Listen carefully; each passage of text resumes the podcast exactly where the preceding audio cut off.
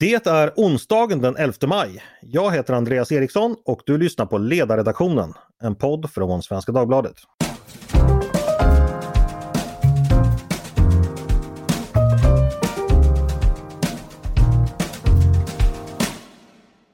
I början av maj läckte ett mycket kontroversiellt dokument ut från USAs högsta domstol. Det ska vara ett första utkast till en ny dom som majoriteten av ledamöterna då alltså ska ha ställt sig bakom. Som upphäver den kända domen från 1973 som kallas Roe vs Wade. Som alltså gör abort till en rättighet i USA. Detta har förstås väckt mycket uppmärksamhet i ett land där abort ständigt är på den politiska agendan, där opinionen är delad och där åsikter och känslor kring frågan är mycket starka. Hur ska man då begripa det som pågår? Kommer abort att förbjudas i USA nu? Varför avgörs den här frågan av en domstol och inte av en politiker? Och varför har abort blivit en så enorm fråga i amerikansk politik? Det ska vi tala om idag med mina två gäster, nämligen Roland Poirier Martinsson och Niklas Berghed Lundblad. Välkomna hit båda två! Tack så mycket! Tack ska du ha! Roland, du är, ska presentera dig för lyssnarna bara. Du är fildoktor i filosofi, författare, senast till romanen Fången, har genom åren medverkat i en rad olika medier och sammanhang och har också i flera omgångar bott i USA. I Texas främst då? Ja, hälften Texas, hälften Kalifornien, så jag har verkligen en extrem av det. Ja, just det. Och Niklas, du är också fildoktor i informatik. Du är även jurist eh, och har jobbat på, eh, som samhällsplaneringschef på Google och du har också bott en lång tid i USA. Fem år var det va? Ja, fem år, men bara Kalifornien för min del. Ja, okej. Okay. Då har vi gedigen amerikansk erfarenhet. Eh, tänkte vi skulle börja från början så att alla är med. Eh, Roe vs Wade, vad är det för någonting egentligen? Vad var det som hände 1973? Om Niklas, du börjar berätta för oss det.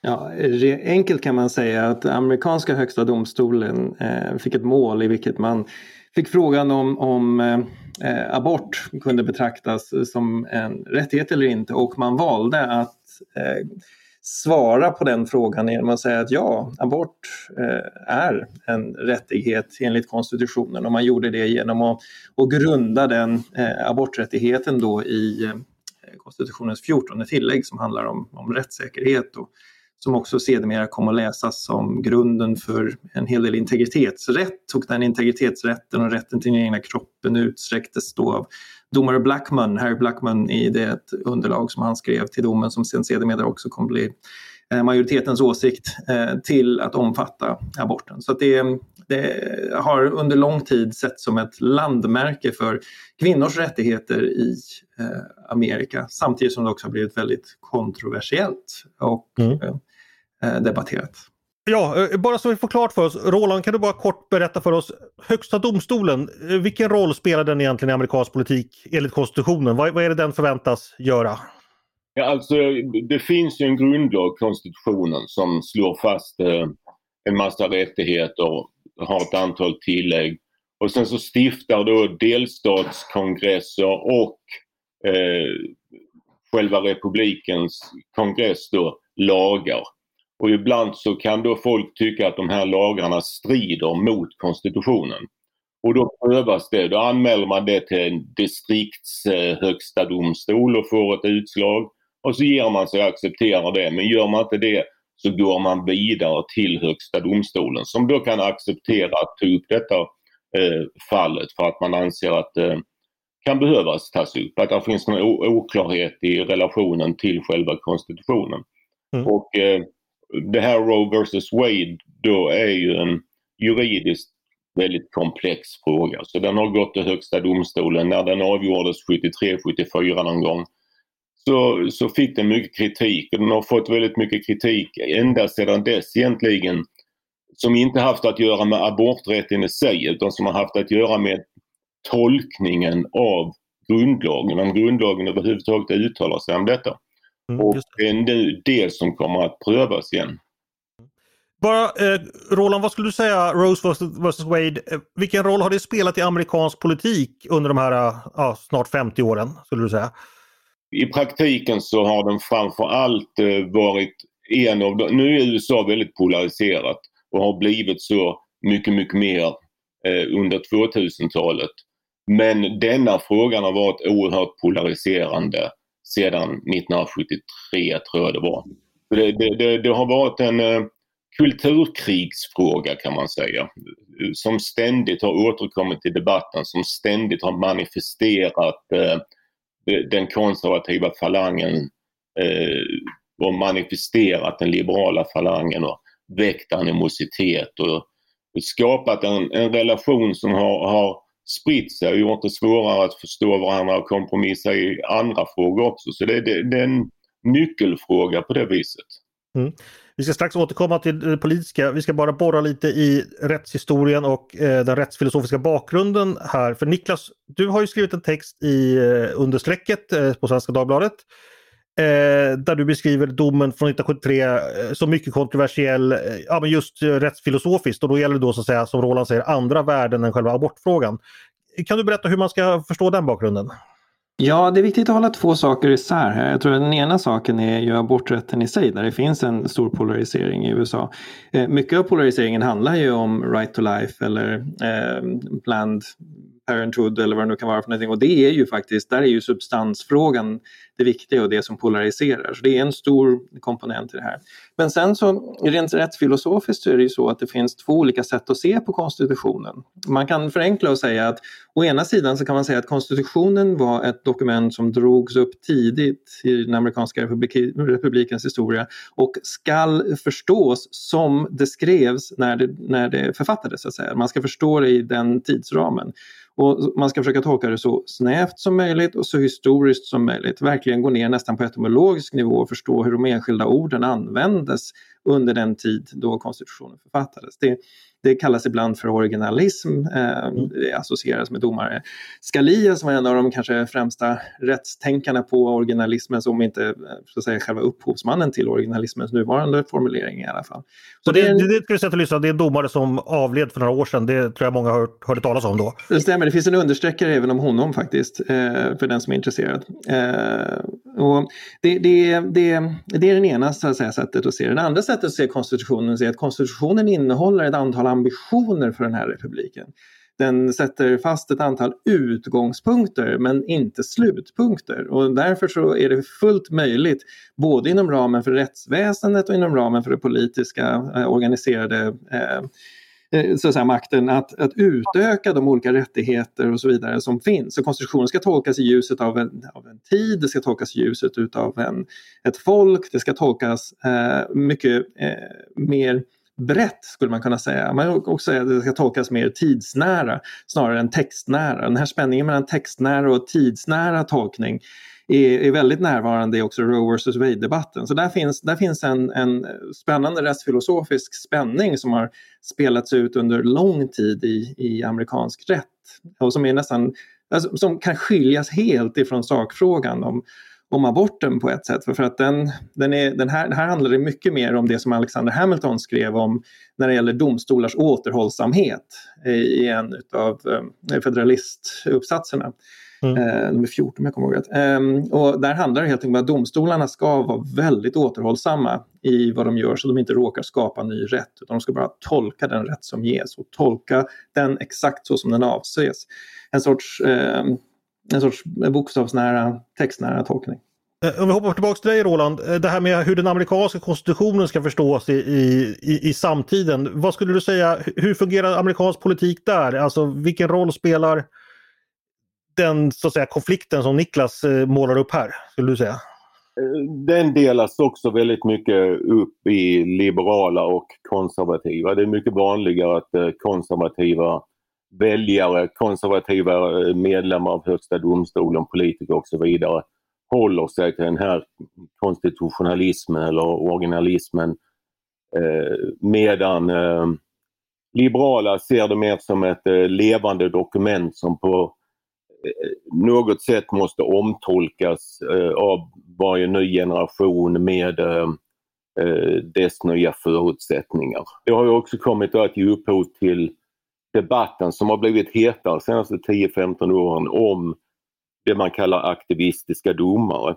Alltså att det finns ett samband mellan att å ena sidan eh, betrakta konstitutionen som ett levande dokument som behöver omtolkas hela tiden och å andra sidan eh, fälla domslut som är politiska snarare än juridiska. Om man inte är originalist så, så öppnar sig ju möjligheten för att eh, tolka konstitutionen i enlighet med eh, tidsandan på ett annat sätt. Och eh, då, då är ju risken stor såklart att eh, eh, besluten blir politiska snarare än juridiska. Det finns en spännande spänning där som är värd att ta upp och det är ju att originalismen associeras ju ofta med en textnära tolkning och en, en, konservativ tolkning. Men det finns exempel på den konservativa tolkningen där den springer iväg lite och där den rent objektivt går en liten bit bortom vad konstitutionen egentligen säger. En, ett ofta citerat exempel i rättsfilosofi när man undervisar är ju det andra tillägget, det som handlar om the right to bear arms. Mm. Alltså rätten att bära vapen på olika sätt. Eh, där, där finns det ju eh, domare och Eh, rättsteoretiker och författare i USA som har noterat att den här rättigheten, om den lästes originalistiskt så som man förstod den, så skulle det handla, inom ram, så det handla om rätten att bära vapen inom, inom ramen för en organiserad milis eh, och inte alls rätten att ha handvapen hemma för att försvara sig för det fall att det kommer någon och angriper en som är en en vanlig skurk. Eh, att mm. läsa andra tillägget eh, originalistiskt, det skulle alltså eh, på många sätt och vis eh, innebära att man läste det på tvärs med den nuvarande konservativa politiska tolkningen. Så det, även om det är precis rätt som Roland säger, att det finns en, en, så att säga, en, en distinktion där de konservativa tenderar till att vara mycket mer originalister. Så finns det fickor och sprickor i den här eh, uppdelningen som är intressant att studera närmare också. Och detta slår ju åt båda hållen då. För um, en sak som konservativa inte alls eh, är emot är ju tanken om settled law som man säger. Att eh, eh, ju längre tid som har gått sedan ett beslut fattades i Högsta domstolen desto svårare ska det vara att riva upp det. Och då hävdar man nu då att Roe Wade har 50 år på nacken och, och, därför så har det blivit settled law. Och vad det betyder i sig är inte så lätt att veta men man skulle kunna säga, tror jag, du säger emot mig Niklas om, om du har en annan tolkning, att det dels eh, eh, har att göra med hur lagen har använts i en massa rättsfall. Men också hur lagen eh, har kommit att eh, sjunka in i det allmänna rättsmedvetandet. När man hänvisar då från liberalt håll att det har gått 50 år sedan Roe Wade och därför är detta ett settled law. Då har man inga problem med att säga att uh, Second Amendment är uh, settled law som finns alltså, har funnits i sekler och varit accepterat i sekler. Så det finns en dubbel standard här som är politisk och inte juridisk. Mm. Politiker tenderar att ha dubbla standards ganska ofta. Eh, vad som har hänt nu är att det här utkastet har läckt ut. Det var publicerat ursprungligen av Politico. Så man kan läsa det på internet. Det är totalt cirka 100, 100 sidor inklusive appendix. Skrivet av en domare som heter Samuel Alito. Eh, Niklas, vad är det han skriver där? Kan du hjälpa oss genom argumentationen? Det, för det första så rekommenderar jag att alla läser det. Det är ett intressant tidsdokument på massor av olika sätt. Så att, eh, det, du säger att det är 100 sidor. 100 sidor juridisk text kanske inte låter som idealsättet att tillbringa sin onsdagskväll på. Men häll upp ett glas vin, ladda ner texten och sätt dig och läs. För det här är intressant. Det här är historia som är in the making. Vad Alito gör i den här eh, eh, domen det är ju några olika saker. Han, han, får, han har ett rätt, rätt digert projekt som han måste ta sig an. Det första är att han måste utmana tanken att aborträtten kan på något sätt grundas i konstitutionen. Och sen måste han, precis som Roland säger, utmana tanken att det bör ändå respekteras även om det inte finns en grund i konstitutionen därför att det är ett prejudikat, den så kallade stare decisis-principen eller settled law. Och, och han, han, tar sig an båda de här uppgifterna med, med stor entusiasm måste man säga. Det är ett väldigt syrligt skrivet underlag. Det finns många formuleringar här som kanske är mer kännetecknande för ett första utkast i Högsta domstolen än för hur den faktiska domen sen skulle se ut. Där han, där han lika mycket försöker övertyga sina meddomare som han försöker så att säga, nå fram till det rätta rättsliga beslutet. Man ska komma ihåg att Högsta domstolen är en så fascinerande institution för här är ett antal personer som jag menar, som jag tycker att man borde kunna kalla de största rättsliga, juridiska, rättsvetenskapliga eh, tänkarna i, i vår tid på något sätt. De är ändå, det här är gediget kompetenta personer, även om man har pratat om politiseringen av Högsta domstolen på sistone, så är det kunniga, kompetenta personer. Och de ska nu försöka övertyga varandra om att komma fram till någon sorts slutsats.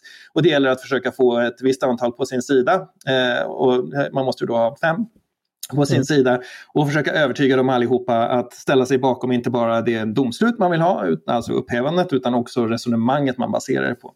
Så Alito kastar sig in i det här med stor entusiasm och det är otroligt intressant att läsa. För det första så tar han all heder och ära av Harry Blackman som skrev Roe vs Wade i inledningen och, och säger att eh, det finns ingen som helst möjlighet att grunda aborträtt rätten i konstitutionens 14 tillägg. Det sätt på vilket Blackman gjorde det var att säga att det 14 tillägget handlar om rättssäkerhet, hur rättssäkerheten följer integritetsrätten och kvinnans rätt i sin egen kropp är bara ytterligare en aspekt av integritetsrätten. Nu har jag förenklat, men bara för att säga mm. ungefär vad Blackman gjorde. Det eh, som eh, Alito säger, och det är här det blir väldigt kontroversiellt, är att han säger att Ja, det är mycket möjligt och 14-tillägget handlar om rättssäkerheten och man skulle till och med kunna säga att det handlar om integriteten. Men det går inte att använda för aborträtten. För i aborträtten så ställs två individers integritet mot varandra. Det ofödda fostret och kvinnans. Mm. Därför så finns det ingen möjlighet att landa aborträtten i 14-tillägget utan man måste helt enkelt förklarar att det finns inget konstitutionellt stöd för aborträtten. Eh, och det, det, här är det första draget som Alito gör då i, i den här domen och det, det, är, det är mycket intressant att följa. Och man behöver inte hålla med om det men det är ändå intressant att se hur han gör det. Och sen vad, vad är det nästa han behöver göra för att få hem sin poäng så att säga? Ja, det nästa han måste göra det är ju att visa, precis som Roland säger, Roland har ju alldeles rätt. Eh, som konservativ så gillar han ju settled law. Det, det är ju så att säga någonting som är viktigt, att man ska kunna lita på rätten. När rätten väl eh, har avgjorts på ett sätt så, så måste man kunna lita på att, att det sen är så rätten faktiskt ser ut. Om man hela tiden överprövar sina tidigare domar, särskilt i den högsta domstolen som ju har prejudikatmakt, då mm. blir ju rätten väldigt opolitlig. Så han säger att ja, det här tar jag på fullt allvar men det är några olika saker som gör att jag ändå tycker att man måste kunna upphäva Roe vs Wade. Och så sätter han upp en liten kriterielista för sig själv. Han säger att de saker man måste kunna visa först är ett, Att det ursprungliga beslutet var fruktansvärt dåligt och med låg kvalitet och låg intellektuell halt. Mm. Så hela det här arbetet han har gjort för att ta heder och ära av Blackman i början, det, det återanvänder han som första punkt och säger att det fanns ingen möjlighet att göra det Blackman gjorde. Det var, det var konstitutionsvidrigt och har varit konstitutionsvidrigt under lång tid. Andra kriteriet, säger han, är att det ska, om det ska vara ett prejudikat, verkligen vara settled law. Men det här är ju inte settled. Folk har ju bråkat mer och mer och mer om det här under tiden.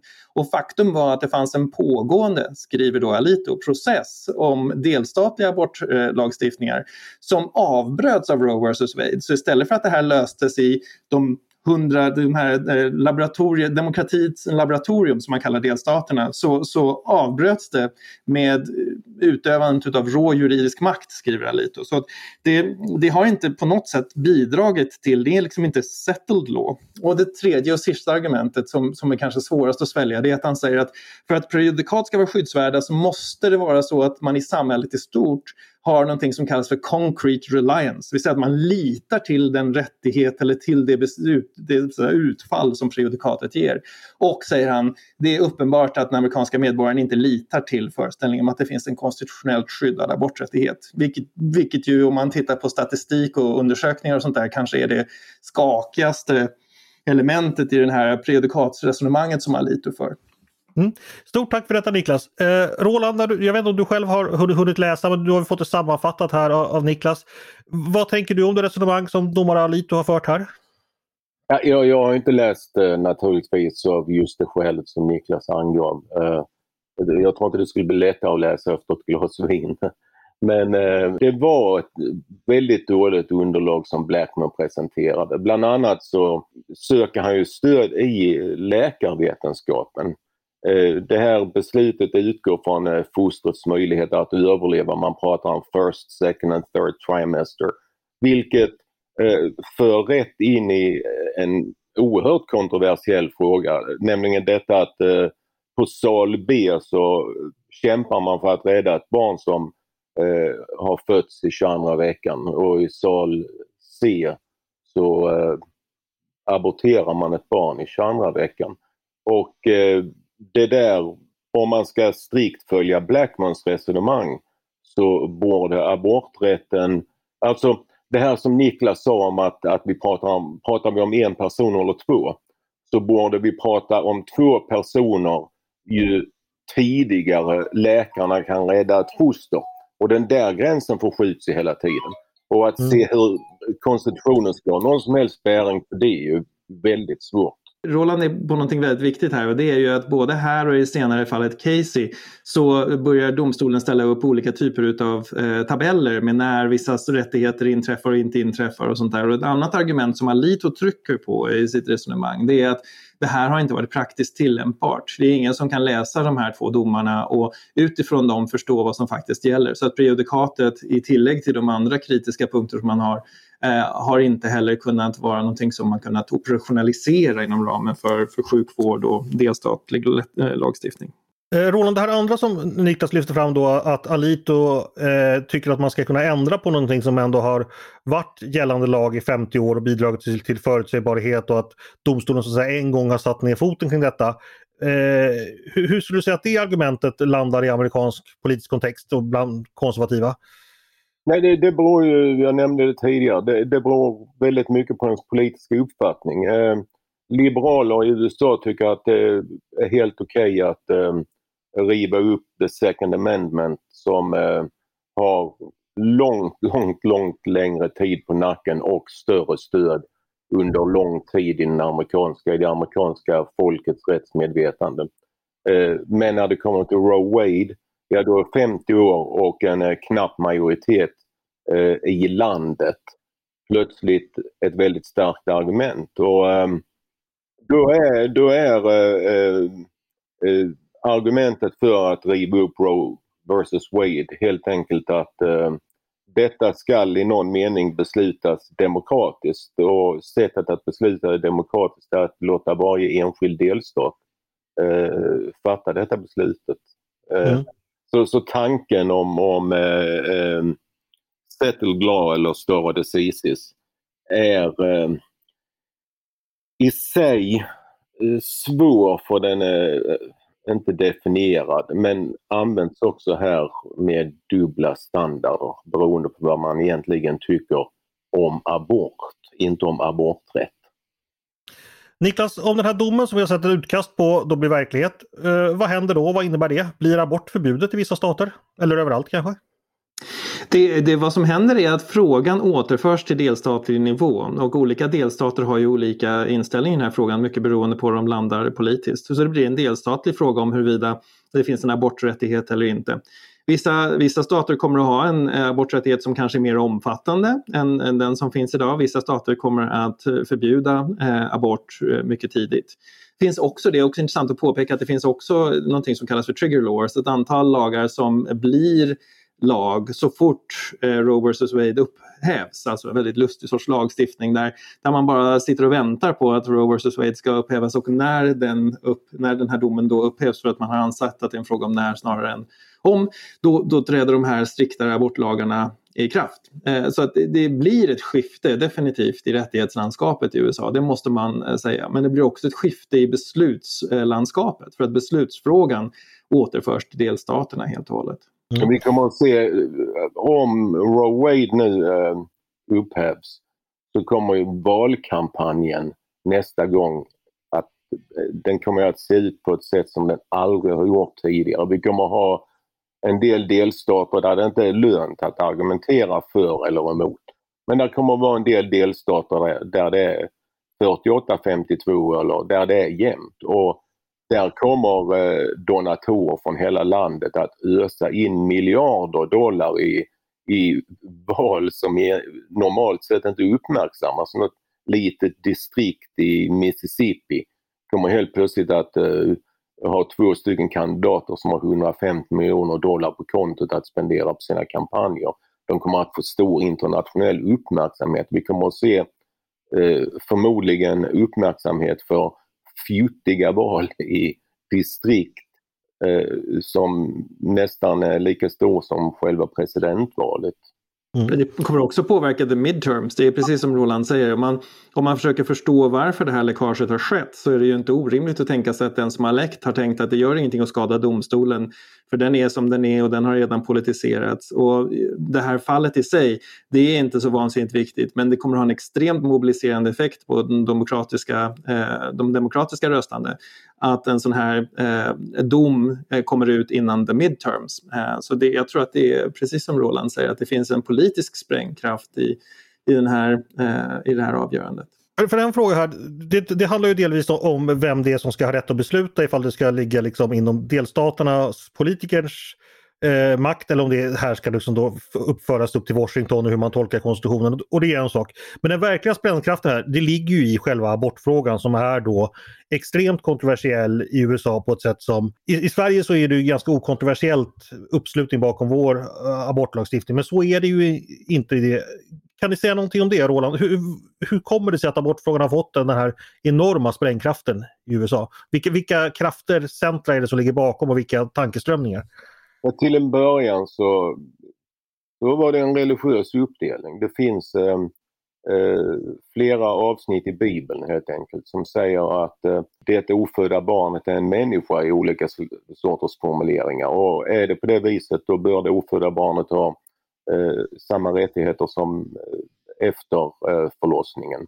Mm. Eh, det, det avspeglas ju till och med i språkbruket. Jag säger det ofödda barnet än någon annan hade sagt fostret.